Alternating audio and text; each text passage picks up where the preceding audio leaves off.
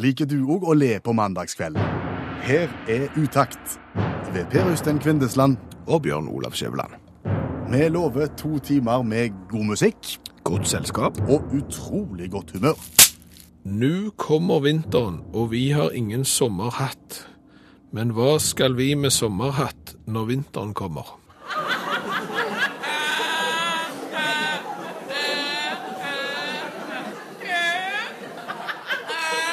Hjertelig velkommen til sesongens siste uttaktprogram i NRK P1. Ja, det er siste uttakt eh, før eh, sommerferien. Eh, Nå skal ikke vi ha ferie i morgen, for det om det er siste uttakt, men det er jo sånn at eh, alle gode ting har en ende, også uttakt før sommeren, og så kan du si, det var fryktelig tidlig da. Jo, men nå har de voksne bestemt at eh, sånn er det. Nå er det sommerprogrammet som skal på lufta, og for å si det sånn, Skavlan, tok vel sommerferie i midten av mars. Men formålsparagrafen gjelder også i siste program. og, og til de grader. Ja. Den er så enkel som den kan få bli. Det er at Utakt skal være eh, et program som skal være godt selskap på mandagskveld. Og så skal vi forsøke å skape godt humør. Så satser vi på vi får til det. Hvor skal vi begynne hen i kveld? Vi skal begynne hos svenskene. Vi skal rette en takk til det svenske folket, til svenskene.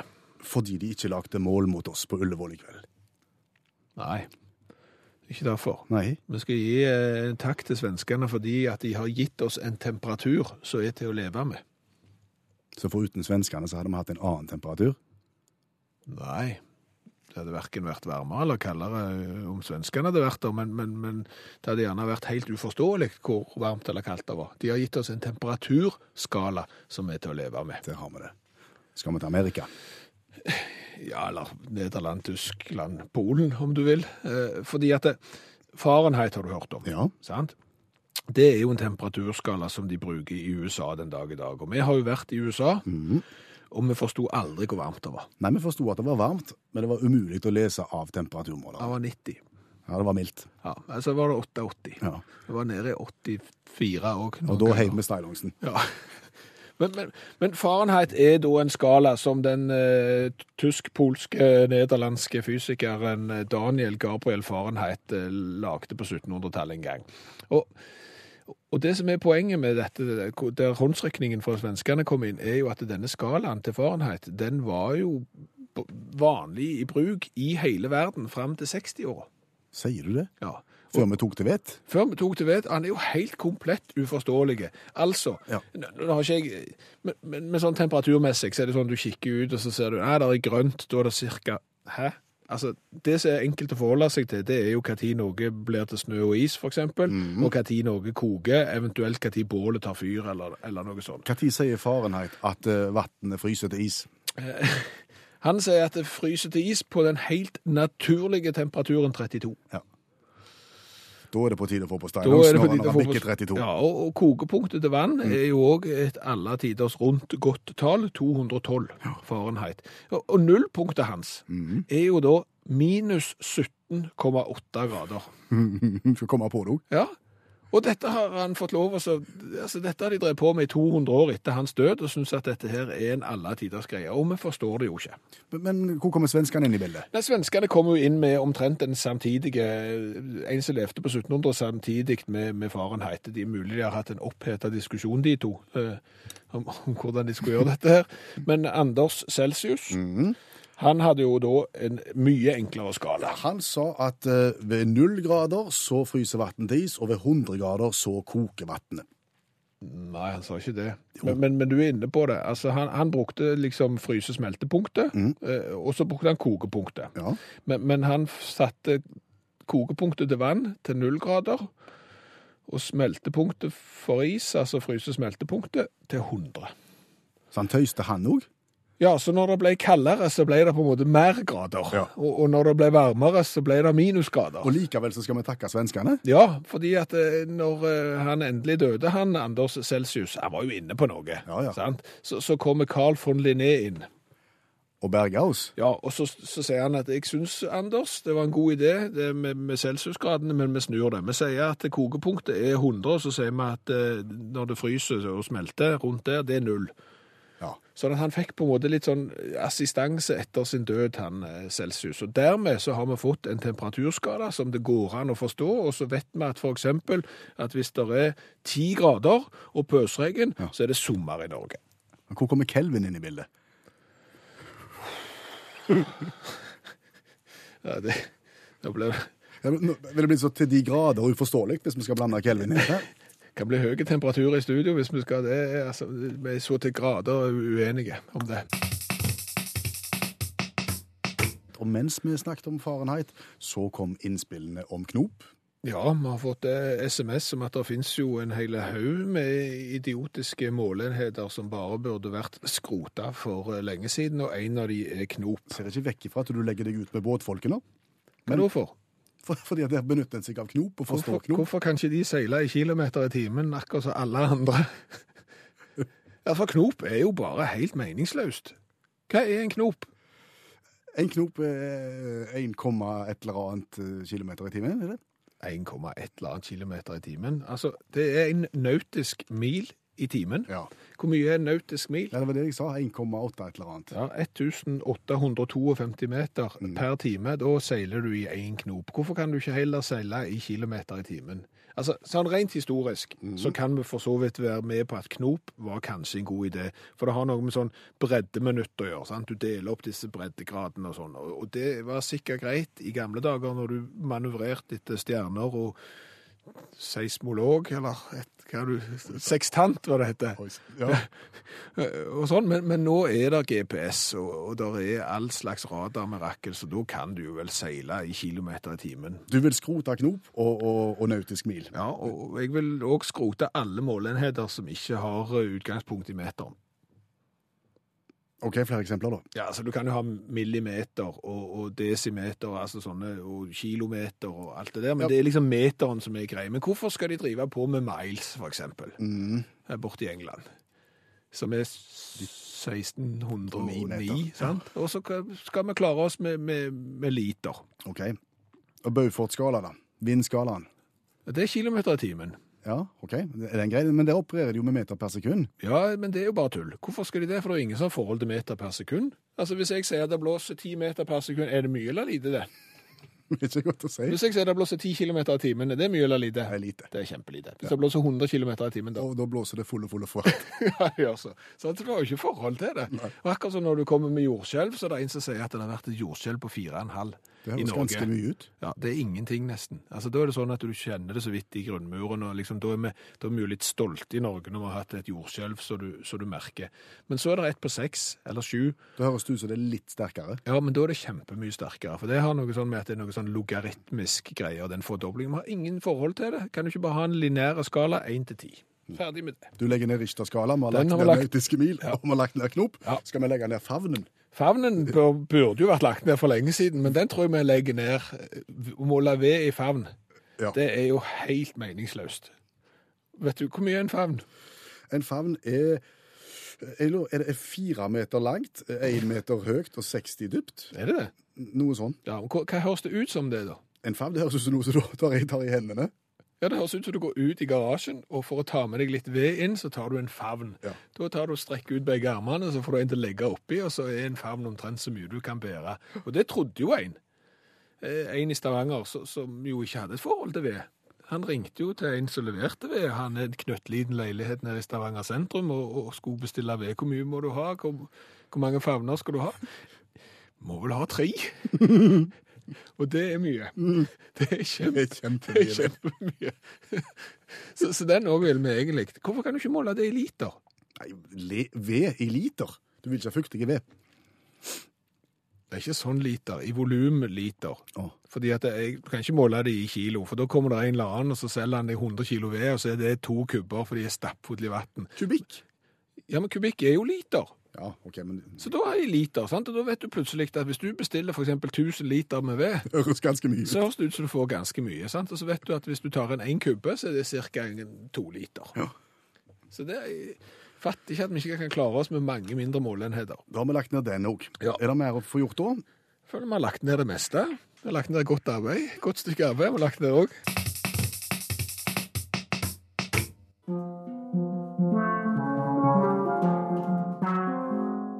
Bare spør. Jeg skal svare. Hilsen Vebjørn, syv år. Bjørn, sju år, er en av Utakt sine faste samarbeidspartnere som hjelper. Ja, han svarer på spørsmål som eh, du som utaktlytter har, og han har hjulpet mang en person med mangt et problem gjennom eh, de siste sesongene av Utakt. Mm. Du tar med spørsmålene hjem til Vebjørn og legger de fram for han, og, og denne gangen så handler det om Egentlig så handler det om ingenting. For å sitere en god eh, internettoverskrift, eh, jeg tok med spørsmålet hjem til Vebjørn og presenterte de for han, og det som skjedde etterpå der, det er intet mindre enn utrolig. Hør hva han sa. Jeg har ikke lyst til å svare på noen spørsmål i dag. Nei vel, hva er det da du vil? Jeg vil komme med en kunngjøring. Eh, Kunngjøring? Ja. OK, eh, kjør i vei da. Kjære alle sammen. Intet tre vokser inn i himmelen, blir det ofte sagt. Og når en vet at det høyeste treet på jorda er et redwood-tre i California på 117 meter, så kan vi vel si at intet tre vokser inn i himmelen, og det med god margin. Det jeg vil si, er at vebjørn treet ikke vokser inn i utakthimmelen. Alt har en ende. Alt har en ende, selv om pøl pølsemageren vil si at pølser har to. Jeg må bare fortelle at min periode som den lille, sjarmerende allviteren på radio er omme. Jeg har vært Vebjørn syv år i et halvt år. For fire dager siden ble jeg Vebjørn åtte år. Og med meg som alle andre, alderen innhenter oss. Små, munnrappe barn er sjarmerende. Munnrapp ungdom er ikke det. Derfor er det viktig for meg å si takk for reisen før det blir for seint. Ser vi på Eivind Ratteti Løberg og Anita Hegerland, så ble barnestjernestatusen mer en hemsko enn et springbrett. Lille-Martin, som hjalp Tante B på TV-skjermen, ble aldri noen store Martin. Med tanke på dette er det derfor viktig å gi seg mens legen er god. Det med takknemlighet og et aldri så lite snev av savn jeg nå sier fra meg med radioverv i denne omgang. Hvis jeg har kunnet være til hjelp for bare én av dere som hører på, så har det vært verdt alt slitet. Fortsett å lytte til utakt, så høres vi plutselig igjen. Over og ut Vebjørn åtte år. Programmet må gå videre, og nå skal det handle om en skremmende utvikling innenfor norsk hotellnæring. Og det handler om Bacon. Det handler om, om bacon. Ja, det handler om bacon. For, for hva er den viktigste årsaken til at du ligger på hotell? Bacon. Ja, mange vil si at det er for å ha en plass å bo, eh, mens du er i en annen by. Det er jo ikke det. Det er for å ha en plass å spise bacon når du er i en annen by. Det er jo derfor vi ligger på hotell. Egg og bacon til frokost er en nødvendig ingrediens. Ja, og nå skal vi jo ikke skjære alle norske hotell over én svinekam her, men, men utviklingen har vært veldig trist og, og mørk eh, de seneste åra. Fordi at det, det har jo gått fra å ha en Jeg vet ikke hva de heter engang, de der beholderne. En bakke. En bakke, Ja, heter det? ja jeg tror du En sånn som du løfter opp. Ja, det sånn ligner- metallgreier. for- en, en bakke med lokk. Ja, det er iallfall fra, fra da utviklingen har gått fra å ha en sånn en svære haug med bacon inni et lokk, til, til nå å presentere ett enslig lite bacon opp på speilegget. Og dette er en problemstilling vi har vært borti tidligere, men vi ser nå en ytterligere forverring. Ja, for tidligere eh, altså det, gikk jo fra mange bacon til ett bacon, og, og så har det jo da gått fra å ha et speilegg med ett bacon på, til nå sist hotellopphold, så i helga, til et speilegg med et hvert bacon på. En bitte liten baconsnabb oppå egget. Ja, altså, det, for, altså, for å si det sånn, hvis du hadde vært bacon, så hadde du skjems over å være så liten. Sånn at det, det, og det, fortsetter det sånn, så ender vi jo bare med speilegg. Og det vil vi jo ikke. Det er Nei. jo ikke derfor vi bor på hotell. Nei. Og, og, og en, annen, en, en annen side ved dette her, dette her, her skaper jo baconstjeling. Ja, det, det, har jo gjort det, for det har jo vært sånn at du da tar andre sitt bacon, og så legger du egg igjen, sant? til du får på en måte normert mengde bacon. Men det er klart, nå, når det da er, er nede i et kvart bacon, så, så blir det jo stygge tall. For da må du jo opp i en eh, 15-20 egg som ligger igjen uten hvert bacon på for at du skal få normert mengde bacon. Mm. Og da er jo sporet igjen i egga etter der som den lille baconflekken lå. Ja. Så det ser ikke fint ut. Nei, og, og jeg vil jo anbefale alle de som nå er enige med oss om at denne her forfladingen av baconkulturen innad i norsk hotellnæring er i ferd med å få lov å bre om seg, så syns jeg jo at det, der er jo internettverktøy der du går inn og liksom skriver om hotellet. sant? Ligger det sentralt? Er det korte vei til å gå dertil? Var det rent rom? Var det mye bråk? Og så videre og så videre. Gå inn og skriv hvordan de håndterer baconet. Ja. Sånn at vi andre som nå skal eventuelt inn og sjekke liksom andre hotell, vi kan gå inn og så se mm -hmm, de har et kvart bacon, ja. Da skal vi ikke bo der. For nå skal det sies at vi var i Bergen i helga Ja. og bodde på hver sin side av Vågen. Ja, Og på den ene sida av Vågen, det, altså for å si det sånn, den flomma over av bacon og honning. Ja. Ja. Mens det på den andre sida Der jeg bodde, der flomma det over av egg og et kvart bacon. Men konserten var bra. Konserten var kjempebra. Og dette er altså siste uttaktprogram denne sesongen. Eh, Sommerferien starter for vår del, for programmet sin del, eh, nå. Eh, Og i den forbindelse så har vi lyst til å forberede deg litt på den ferien som står for døren og banker, for den trenger ikke å bli så kjekk som du hadde håpet. Nei, men da vil uttakt hjelpe deg til å sette pris på den allikevel. For det er sikkert mange som har kommet hjem fra Syden, og så har de klagt fordi at det var skittent på hotellrommet, det var kakkelakker, og det regna 50% av dagene når du var der nede. Du har eventuelt vært på ferie i Norge og ikke vært i stand til å bade fordi at det har vært is. Og, og det er mye å klage over når du er på ferie. Og det er da det er viktig å ha perspektiv på tilværelsen. Og allmennlærer med to vekttall i musikk, Olav Hove, vil hjelpe oss nettopp med det å sette perspektiv. For det du nå nevnte, disse her problemene, såkalte problemene, det gir ingenting ifølge allmennlæreren. Det er absolutt ingenting. Uh, uh, hvis du hvis du har en dårlig ferie i sommer, så skal du tenke på Stefan og Erika Svanstrøm, ikke Svakstrøm, fra Stockholm. Litt sånn irriterende par, eh, fordi at de, alt er på G, liksom. Alt er planlagt. De har planlagt 200 middager fram i tid og 1,9 samla i veka, og alt dette der er helt fullstendig i orden. Han er økonom, hun er politisk rådgiver i Riksdagen, og alt er helt topp. Så går han ned på knittet og ber om å gifte seg. Eh, Så gifter de seg 27.11. i 2010. Da er alt planlagt sånn at de skal ha en fire måneders lang bryllupsreise. Og da har de ordna sånn at han har fått sånn pakke da, i selskapet sitt, så han skal finansiere hele turen. Og hun er, har, da, eh, har nettopp fått et barn for seks måneder siden, så hun har fire måneder av svangerskapspermisjonen. Så de setter seg på flyet på Arlanda 1.12. i eh, 2010 og flyger til München. Lite problem når de kommer til München, for tidenes snøstorm i Sør-Europa inntrer. Eh, og de blir værende på flyplassen i München i tre dager. Så etter det så, så flyger de til Bali. Eh, legger seg på stranda med boka si og sånn lite telt til den lille, og så eh, skyer det pinadø over. Eh, og de kjenner regndråper, og Stefan sier dette her har jeg det viser seg at det er litt sånn monsumregn. Bare en kjempefordel, fordi at eh, da kjøler det seg litt ned. og Vi har jo det lille barnet vårt, og en med som monsumregn går fint. Problemet er at det er i likhet med snøstormen, så det er tidenes monsumregn. Så det regner uanstrengt og rett ned i helsikens kave i fem dager. Og de sitter inne i fem dager. Så siste dagen på Bali bruker de til å pakke, eh, tørke sokker og tær og sånne ting, og flyr da til Perth i Australia. Ja. Eh, fått, de skal ha litt sånn bush experience, så de har fått seg hotell litt i eh, utkanten, så det er midt inne i bushen der. Eh, Turt i Perth i, eh, i eh, desember i 2010. Eh, og det som skjer er at det blir en sånn skogbrann, skogbrann, sånn såkalt bushfire, som omringer hotellet til Stefan og Erika. Eh, komplisert midt på natta evakuering, og en med andre andre kommer seg ut av hotellet og tenker at Perth blir ikke være. Så de, de flytter da og tar flyet til Cairns i Australia og tenker at her er det her er det ikke så mye bush, her er det ingenting som brenner, her er det fuktighet i luften, og det er herlig. Og mens de er i Cairns, da, på dag to, så får de besøk av Yasi, som er en kategori fem-syklon. som kommer.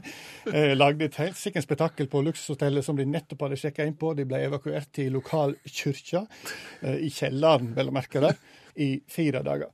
Eh, så forsvant jo denne hesseklonen og gikk greit, og de, de skulle jo videre her. Eh, fikk ikke så mye glede av hotelloppholdet, da. Men så, så, reiste de til Brisbane, hadde noen venner der, eh, eh, og satte seg på terrassen deres, fikk en kopp kaffe, og så begynte skal si her skyer det over. Eh, og så begynte det å regne i Brisbane, og da regna det såpass mye at det kom en hundreårsflom eh, som vaska vekk store deler av elveleiet i sentrum av Brisbane.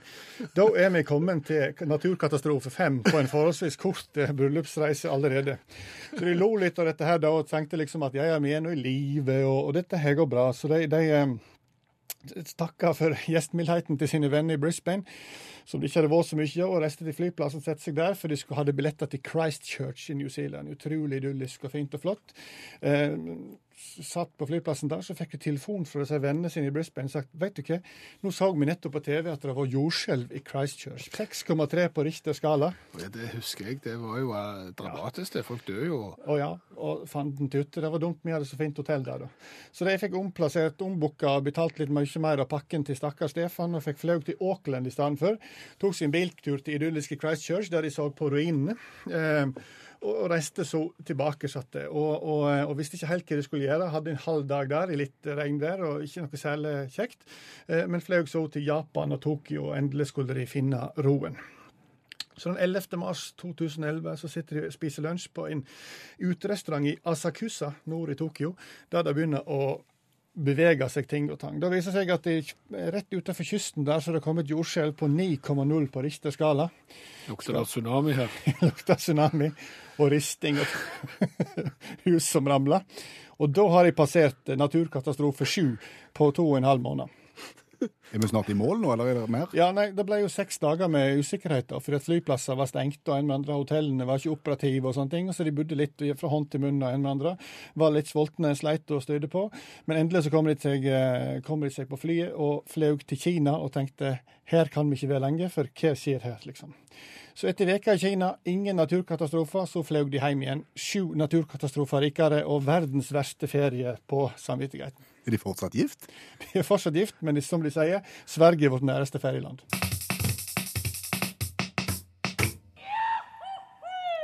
kan aldri bli for mye jodling i radioen. Jo, det kan det. det, kan ja, det er litt som med plystring eh, og andre ting. At det er veldig kjekt en liten stund. Ja. Men det er altså vignetten for Uttak sin konkurranse, og det er en glede å se at så mange har lyst å være med. Vi måtte hive alle navnene i ei, eh, ei bolle og ut av bolla trakk vi navnet Ragnhild Årenes Ålesund. God kveld. God kveld. Har du kunnskap om konkurransekonseptet i Utakt? Ja. Det er godt å høre. For alle andre som ikke har det, skal vi gå gjennom reglementet. Ja, det er nemlig sånn. Utgangspunktet for konkurransen er barnas egen eh, spørrebok av Peter Nødt. Fra 1975. Nei. Jo. Nei. Har alltid vært fra 1975. Ja, men ikke i dag. Oi. Fordi den sennepsgule spørreboka fra 1975 den har begynt å dette ifra hverandre. Vi har fått tilsendt tilsendt eh, bok av Peter Nødt, barnas egen spørrebok, men den er fra 1965. Oi sann. Så nå skal vi stille spørsmål eh, som barn kunne svare på i 1965. Ja, denne spørreboken er beregnet på barn i 5., 6. og 7. klasse, står det i eh, boka her. God fornøyelse. Eh, var du begynt på din skolegang i 1965, Ragnhild? Var vel ikke påtenkt ennå, tror jeg. Du var ikke påtenkt, nei. Da, da, da, skal vi håpe at dette går bra. Eh, du vil nå snart etter hvert få lov til å velge sidetall og spørsmålsnummer. Og hvis du svarer riktig på spørsmålet, så får du gladjodling. Svarer du feil, så får du tristjodling. Men uansett T-skjorte til Ålesund-skader. Godt. Da begynner vi. Ja, hva sidetall vil du ha? Der er 48 sider i denne boka. Da tar vi 47. 47. Jeg blar opp, og vi får kategorien Våre venner dyrene. 25 spørsmål å velge i. 24. Hvor lang omtrent kan elgen bli? Nja, skal vi si to meter? Det ble gladjodling. Ja, altså, når du er innenfor meteren, så må jo det være greit. Ifølge Peter Nødt her, så kan en, en elg omtrent bli 2,5 meter. Se det. Og det visste alle barn i 1965. Det var, det var barneskolepensum. Det var størrelser på dyr. Lengden på elg. Lengden på elg, lengden på grevling, høyden på elefant, Hest fra skulder til skulder. Det var egne, egne bøker. Ja. Sikkert. Ragnhild, vi går videre, skal vi det? Ja. Nytt sidetall. Uh, 23. 23. Skal vi så må bla. Og ja, kjente navn. 1965. 1965, ja. Kjente navn 1965. Der er det òg 25 spørsmål. Eh, 3. Spørsmål nummer tre lyder som følger. Hvor er president Nasser fra? Oi. Au. Den, den var litt uh, lei. Ja, vi kan hjelpe. Uh, han, han var enda lenger syd enn Syden. På andre sida av Syden, hvis du skjønner. På andre sida av fjorden fra Syden. Um, ja Skal vi si um, Al, Al, Algerie? Du kan si Algerie, eller så kan du f.eks. si Egypt. Eller du kan si Algerie, men du kan også si Egypt. Eh, Vi sier Egypt, det, da. Det var godt du valgte Egypt, Ragnhild. Ja. For det var rett. Ok. Veldig bra. Vi har ett spørsmål igjen. Er du sånn som eh, driver med quiz, Ragnhild, eller? Ja, det siste det er litt gøy, da. Ja. Eh, Sånn, eh, jeg har, eh, blitt introdusert for en del år siden for sånn trivial pursuit, vet du. Å ja. Er du best på rosa? Ja, rosa og litt, litt grønn og blå og sånn. OK. Oh, ja. Er du, er du en god eller dårlig taper i Trivial Pursuit? Ja, sånn midt på. Ja, for der, der er det forskjellig, skal jeg fortelle deg. Ja. Ja. Men du, nå, Ja. nå har vi ett spørsmål igjen, og nå skal ikke jeg legge noen føringer på noe som helst vis. Men kan jeg anbefale side 14, spørsmål 3? Altså bare sånn i tilfelle du vil ha, så kan jeg anbefale side 14, spørsmål 3, men du trenger ikke. Hva side vil du ha, Ragnhild? Nei, eh, vi kjører på den. Du kjører side 14, ja. Spørsmål 3. Spørsmål 3. Ja. Jeg syns det er så godt, ser du, for dette, dette, er dette er pensum for 5., 6. og 7. klassinger 1965. Ja. Når du skal steke en gås, fyller du den ofte med to sorter frukt. Hvilke? Eh, eple og fiske. Det er bra. Ja, Det gjaldt i 1965, og det gjelder ennå. Tydeligvis. Jeg har ikke stekt gås noen gang, jeg. Men det er nå meg. Når stekte du din siste gås, Ragnhild? Det har jeg jo litt begynt. Jeg har ikke begynt. Det står på, pla står på planen. Står på planen, ja, da kan du si det sånn. Ja, ting å gjøre før du dør. Steke gås Ja. med svisker og epler i. Ja. Ja, men det er bra.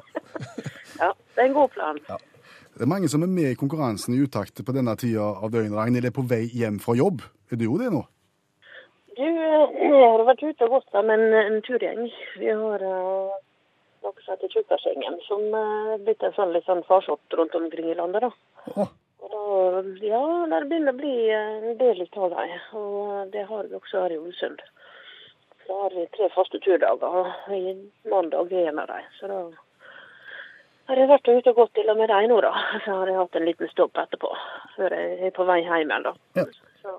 Da må du love å, ta på deg utakts i T-skjorta neste gang du skal ut og gå tur med, med laget. jepp, Da har vi en plan. det. Godt. Ja. Ragnhild Årenes, tusen takk for at du er med oss, og fortsatt god kveld.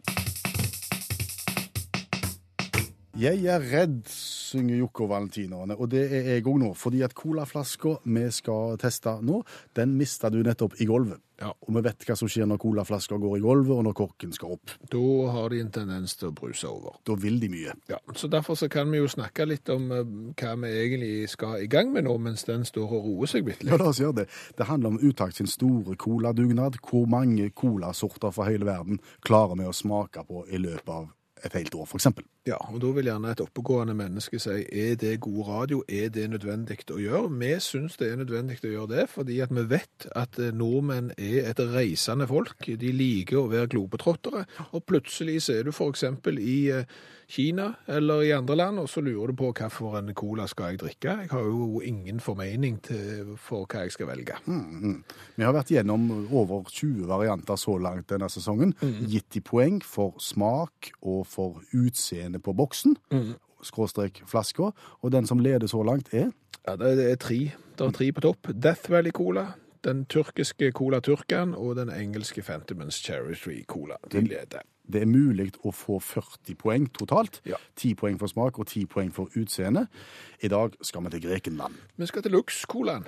Lux-colaen fra Hellas. Ja. Det, det, og og Lux-colaen er på en måte grekernes egen cola. Eh, fordi at Pepsi og Cola er store i Hellas òg, men på tredjeplass over den mest drikte colaen eh, i Hellas er da på en måte grekernes egen Lux. Og den kom i posten til oss fra Tom Arild. Tom Arild har vært der og sendt den til oss. Nei, han har ikke vært der. Eh, Samboeren var der og fikk i oppdrag fra Tom Arild å, ta med brus til utakt. Det er rørende. Ingenting annet enn rørende. Jeg kjenner det langt inne. Og det, det er jo det som mange har gjort. De har sendt oss brus, og det er derfor vi kan drive denne dugnaden uke etter uke. Men nå skal vi gå i gang med Lux-colaen. Nå skal jeg, jeg trekker litt grann vekk fra elektronisk utstyring når jeg skal åpne den i tilfelle det går galt. Gjør det.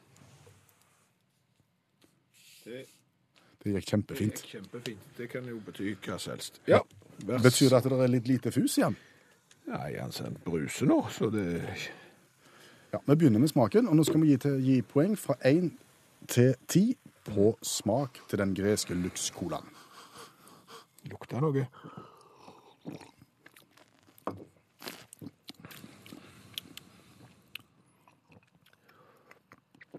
Føyer seg inn i den der rekka av de som smaker litt lite, men dermed så ikke er de så verst. For det er noen som har smakt veldig mye, men vondt. Ja, veldig mye feil. Ja, den her var Denne smaken for så vidt rett, men smaken er uhyre raskt innom løkene, og så er den vekke. Altså, den her har jeg Den her syns jeg det her kunne jeg drukket mye Ja, av. Ja, god. Den her kunne jeg Ingen problem. pøst. Jeg tror vi gir en God, med god pøseegenskap. sjuer fra Kvinnesland til Lux-cola i smak. Litt grann tygg i ettersmak, så jeg detter ned på seks. eh, Syv på deg. Da er vi på 13 totalt på smak Ja. på Lux-colaen. Da er det utseende, og dette her er jo en snodig liten sak. Ja, altså på den ene sida så er det jo på en måte det internasjonale alfabetet, alfabetet. -hmm. Sånn at vi leser Lux, L-O-U-X, og på den andre sida av etiketten så er det jo de greske bokstavene, som jo er helt gresk for oss. Ja. Det er vi ikke i stand Men det er jo litt tøft. Ja, for det gir jo enda en indikasjon på hvor han kommer fra. Ja. Si noe om størrelsen. Altså, han er 0,33. Ja, men han er en liten knabb. Ja, han ser ut som en sånn stuttjukking. Ja, faktisk. Altså, det ser ut som at de har ikke gått for høyden på flaska her, men han kan være brei. Ja. Det, det har de gjort. Sier du at det der er 033? Det er 0,33, ja. Jeg hadde gjetta det var 015. Ja, nei, han er 0,33. Han er bare mye bredere enn du skulle tro. Ja. Og så han, har de tenkt ut forbi boksen. Alle colaer som nesten skal være en kopi av en vanlig cola, har jo hatt rød boks med hvit skrift. Den her er brun, burgunder, hvitt, litt av alt. Og han skiller seg ut. Ja. Han, han er ikke en av mengden. Han, han vil være noe annet. Det syns jeg de skal ha honnør for. Helt enig. Eh, Og jeg, der er jeg villig til å gi terningkast seks. Ja, jeg tenkte det samme. eh, at det ville være fornuftig til den lille stuttjukken. Ja. 12 poeng totalt. Da. 12 pluss 13 blir 25. Og hvor plasserer Lux-colaen seg da? Da kan vi bare gratulere Lux-colaen med at de går inn i sommermåneden 2015 som leder av Uttak sin cola-dugnad. Så spennende. Og skal du til Grekenland i sommer, så vet du hva du har å gjøre. Da kan du drikke Lux-cola med god samvittighet. Coladugnaden fortsetter til høsten, så fortsett å sende til oss dersom du er ute og reiser. Det vi skal snakke om nå, det er den ultimate desserten. Den som du finner fram eh, en søndag ettermiddag etter at du har hatt et alvorlig godt måltid. Når du virkelig skal toppe det, både for deg sjøl og gjestene, da setter du fram Hermetisk frukt. Det er akkurat det du gjør. Eller gjør en det lenger. Nei, du gjør ikke det. Men du gjorde det. Du gjorde mye det før. Ja, det, nå, nå, nå er det fare for at du høres gammel ut på Øystein, og du er ikke så gammel som du høres ut, men, men det var jo noe av det flotteste. Når du kunne få hermetiske frukt Ja. etter søndagsmiddagen. Var det cocktailen, fruktcocktailen, var det pærene, eller var det, var, var det aprikosen? Altså, du hadde jo fersken. også. Fersken, ja. ja. jeg vil jo si at fruktcocktailen var nok kanskje rosinen i hermetisk frukt, hvis du slapp å ha det røde bæret. Ja. Det var det ingen som likte. Jeg tror jeg holdt en knapp på pæra, bortsett fra at den var veldig vrien å spise. For det, den lå jo der glatt i sin egen lake. Ja, Og når du skulle skjære den da med skje, Ja, da- så hadde den en lei tendens til å skvette ut. da hoppet den ut av skåla hvis du hadde runde skål, ja. Og havna på duken. Ja, eventuelt i fanget. Ja. Men, men grunnen til at vi tar det opp, er at eh, jeg kan ikke huske sist jeg spiste det hermetiske frukt. Jeg kan ikke huske sist gang jeg ble servert det hermetiske frukt. Jeg, jeg har spist fløtekake med sånn eh, den der eh, cocktailfrukt Ja. oppå nå i det, ja, de seneste åra. Men, men rei, bli her- servert ren hermetisk frukt, nei. Nei, men det var som du sier, det var noe av det fineste. Det var det. Og laken, ikke minst. Laken kunne en drikke rett fra boksen. Den. Jeg er litt forsiktig, for det var litt kvast oppå toppen av lokket. Oppå toppen av boksen, Ja. men godt. Og i ettertid så viser det seg vel at det er stort sett bare sukker. Ja. Jo, men, men det har jo alltid vært eh, godt. Men, men igjen, tilbake til fløtekake og, og hermetisk wok. Der var det òg en del eh, feller å gå i. Det var Hvis du var litt romslig med å ikke ha fått av all laken, så ble jo bløtkaka ganske blaut. Og, og kremen spesielt ble jo vassen. Så blanding av krem og lake var jo ikke godt. Så, så, men jeg lurer nå på om jeg skal ta og slå et slag for hermetisk frukt. At jeg rett og slett skal innføre det hjemme. Jeg tror ikke ungene mine har blitt servert hermetisk frukt. Nei. Gjør det på søndag. Neste søndag. Ja, Og søndagen etterpå der. Og søndagen etterpå der. Ja. Da syns jeg du først skal koke hønsesuppa til forrett. Det tror jeg hun er vekke. Ville det ikke vært på sin plass å komme med noen ferietips nå? Jo, eh, ikke minst siden vi vet at eh, nordmenn er jo så bereiste at liksom hvis noen i tredje klasse sier til klassekameratene sine at eh, vet du hva, vi skal til Syden i sommer, så er det jo ingen som løfter på så mye som et øyenbryn. sant? Du må jo reise verden rundt og sikkert fire måneder i Australia for at noen skal reagere. Allmennlærer med tovektig musikk, Olav Hove, han møter jo dette her hver eneste dag gjennom sine elever. Og han har lyst at både, med barn, både voksne og barn skal bli flinkere til å tenke litt ut forbi boksen Ja, når det gjelder ferievalg. Og det er alternativ. Der ute, ja. Å, Ja, det er helt sant. Det er helt sant. Altså, Der finnes det en haugevis av dem. Hvis vi går nærmest mulig Paris, så kan du jo for og 20 kroner for et dagspass snakker vi om her, for en, for en, en severdighet i Paris. Det er da altså en guidet tur i kloakken. Eh, Du klatrer ned i kloakksystemet, går én kilometer inn og får beundre arkitekturen. Du får se på redskaper som de brukte før i tiden eh, nede i kloakken. Du får, eh, du du får se på kloakkarbeideruniformer fra 1800-tallet. Eh, Og du får se en ekte kloakkdykker i arbeid. Og ikke minst så får du en sånn unik eh, introduksjon med, med rørsystemet. liksom At det her kommer bæsjen fra Louvre, f.eks. Her er Sacré-Cœur-bæsj og sånne ting. Er dette populært? Altså, er det mange som gjør det, eller er det sånn at det er liksom fire stykker som har vært på kloakksafari i Paris? Sier seg sjøl med 20 kroner for et dagspass. så Det er klart de prøver å true folk med det. da. Så kan du reise til Mexico, og da må vi litt opp i pris. 120 kroner, så kan du vel inn på sånn ulovlig grensekryssings-experience. Du vet jo at det er ganske vanlig for meksikanere å stikke til USA, for å, det er liksom det er forjettet et land. Eh, og, og de vet kanskje ikke hvordan det fungerer, gjør de det? De bare sitte på film, og, og da kommer det gjerne et helikopter med en svær lyskaster, og så springer de, og så blir noen eventuelt skutt, og noen blir stoppet av sheriffen, og så er det dra drama, drama, drama. Kulehull i sombreroen og alt det der greiene. Ja, så kan du reise til tre timer nordvest for Mexico City, i parken Eco Alberto. Der arrangerer de da et sånt eh, simuleringsgreie. En liksom grensekryssing. Ja. Meksikansk høykletta. Da du møter opp på sein kveldstid, så får du tre timer i mørke i ulendt terreng, der du springer som en galen, akkompagnert og geværsalve. Eh, stilig start på Du synger Mexicos nasjonalsang før de begynner. Og så slutter du med å synge Ja, den altså- amerikanske hvis også, du så kommer og så fram. er det altså svaklige, sjuke, sinnssyke kvinner, barn først, og så er det de sterke bakerst. da. Det er ikke ekte kule, da. Eh, og guiden Poncho Santiago sier at eh, Det kan hete faktisk det. Og han sier at dette er spesielt egnet for skoleklasser. Eh, det, er er ordfagtimen. det er spesielt egnet for folk som vil trene på å krysse grenser på ordentlig, men det sier ikke ponchoen noe særlig om. Eh, så kan vi gå videre på litt sånn mer sånn cruiseaktige ting. Stan Newman, kjenner du til han? Ikke så godt. Nei, redaktør for magasinet Newsday Crossword Puzzle. Kan vel kalles en nerd, muligens. Han er veldig opptatt av kryssord. Han, han eh, arrangerer i januar hvert år, 16 året nå, eh, såkalte kryssordcruise i Karibien. Eh, reiser ut fra Fort Lauderdale i Florida, så seiler du til Nassau San Juan og St. Barto, Dominica, Antigua, ja, altså Karibien, da. Mens du gjør det, så må du Og eh, det er ikke sånn at du bare, her kan du ikke bare cruise, for å si det sånn. Du må, du må delta på kurs. Eh, du, du har f.eks. kurs eh, 101 kryssord på en dag. det er jo slitsomt. Eh, du har òg mer som terapeutisk hvordan takle de tøffe, altså kryssordene, da. Hvis du står fast, hvordan skal du angripe det? Sånne ting. Dette gjør du mens eh, korallrevene fer deg hus forbi.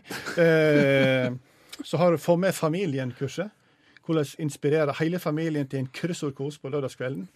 Eh, og, og, de tenker at nei, dette høres ikke torsj ut, men en sterk historie. Donna Levin, ikke slekt i Mona, så vidt jeg vet. Eh, hun ble hun forteller da en sterk historie, ble lurt med av mannen på cruise i Karibien. Visste ikke at det var kryssordcruise. Eh, var selvfølgelig eitrende forbanna en, en dags tid, men ble ekstremt fascinert. Og er i dag profesjonell kryssordkunstner, som hun kaller seg sjøl annet New York Times på kundelista. Altså, hun, Kryssordcruiset i stedet forandra livet til Donna Levin der, altså. Kryssordcruiset koster 18 000 kroner. Du kan òg betale dag for dag, litt dyrere, 2000 kroner dagen, men hvis du kommer til St. Bart og er i ferd med å kjede deg i hjel, så kan du hoppe på land. Ja, og da er det bare å eventuelt passe på at du ligger vannrett, eller må du prøve, prøve å stå låtrett? Det er ikke cruise i Karibien, det er kryss i Karibien. Og kanskje mange skal på biltur i sommer? Kanskje. Enten i innland eller utland. Og, bare en liten uh, greie der. Hvis du som sjåfør av en bil, den kan være en vanlig automobil, det kan være en bobil, det kan være en eh, lastebil. Ja, dere skjønner tegningen. Det kan egentlig være hvilken rullende gjenstand med motor som helst. Okay. Hvis du da for eksempel kjører langs landeveien, Ja. og foran deg så har du ingen verdens ting. Bare vei Bare vei. og natur? Vei og natur, og det er bare deg, og du ser foran, det er ikke en bil i sikte foran deg, og alt er alle tiders. Da er det kanskje lurt å kikke i speilet. Hvis du da kikker i speilet, eller eventuelt får noen i bilen til å snu seg, hvis du er litt stiv i nakken, og, og kikker bak, og der er en rekke av biler bak deg. Altså, ingen biler foran, eh, biler bak, så kjører du nok mest sannsynlig litt seint. Ja. Og hva skal du gjøre da? Ja, da kan du jo gjøre som svært mange andre gjør. Ingenting. Ingenting. Du kan holde på akkurat så du turer fram, og, og tenke at nei, jeg syns det går haugen på fort nok. Det er såpass flatt her, og det er såpass rett fram at det er, det er ingen grunn til å gasse på. Eh, Eller så kan du jo være litt kjekke, og så kan du jo kjøre til sides og slippe folk forbi. Men det er jo en ganske enestående egenskap det der i trafikken, at når du har en egen oppfatning av at det går mer enn fort nok, så må alle andre lide for det. Brannfakkel der, altså? Ja, Skal vi ta en til? men men det er jo sist opplevd nå, nå i helga, og ofte så er det jo sånn på norske veier eksempel, at det der er jo litt kronglete, der er litt grann svingete, der er jo ikke sånne amerikanske veier der du omtrent kan sette kneet fast i rattet, styre rett fram og legge kabal mens du kjører gjennom en stat. I Norge så er det ikke så mange muligheter til å kjøre forbi. Men da å ligge framme og være premissleverandør, jeg kjenner at jeg Ja, ikke- skjønt. Ja, jeg, uff. Ja. Men kan vi ta en til? Har du en brannfakkel til? Ja, i samme, samme gata. Kom an. Yes, sorry. Har du for eksempel kjørt av ferja? Ja. Et relativt stort ferjesamband med ferjer som tar mange biler. Ja. La oss si at det er 100 biler. Ja, vi kan godt si det er 100. 100 biler skal av. Og du er nesten sistemann av. Ja, la oss si du er 98. Ja. Eh, ikke begynn å kjøre forbi eh, nummer 97. For så å forsøke seg på 96, 95 og 94, 93, 92, 91, 90, 89, Ja, men vi- 88, vi- vi skjønner- 87, vi skjønner 86. Du vil aldri rekke alle uansett. Du utsetter deg sjøl, og du utsetter andre for fare. Og det eneste du oppnår, det er at resten av køen må bremse, fordi at når du prøver å komme deg inn foran nummer 87, så kommer det en bil imot. Stemmer det. Så må resten av køen bremse for å slippe deg inn, så ikke du skal frontkollidere med den bilen som kommer imot. Dermed så går køen senere. Og du kommer også senere feil fram, Ja, men- du i den svarte Audien. Men ser du ikke at disse historiene henger sammen? For det kan jo være at den som kjørte av ferja først, det var jo nettopp han jeg snakket om, som syntes at gikk haugen på fort nok. Ja, men da må du bruke du er sist. Og så får du heller ta for deg han på neste ferje, gå bort til han mens jeg han spiser kumla si, og Da så forteller forteller du hva du, hva du har tenkt. Da skal jeg komme med enda et forslag hvis du skal på bilferie. Hvis du er såpass annige at du viktig, Annie, hva betyr det? Ja, hvis du er såpass hva er det? Utålmodig. Utålmodig, ja. Hvis du er såpass utålmodig med å komme nesten først av ferja, kjøp deg elbil. Iallfall sånn. Mange ferjer slipper elbilene oppå dekket fordi de er redde for at de skal ta fyr og eksplodere. Og dermed så står du oppå dekket. Det betyr at du kommer først på, først av og er først i kø. Ja. Litt flaut? Først i køen òg, ja. Er det litt flaut? Er det det den samme? Nå nå det, det er du som ligger først!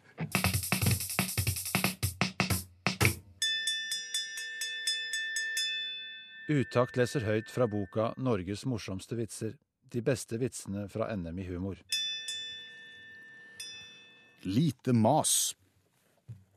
Det ble bygget nytt gravkapell i bygda. Under innvielsen sa byggmesteren i talen. Dette er det første bygget jeg har oppført uten at det har vært noe mas om å komme inn før jul.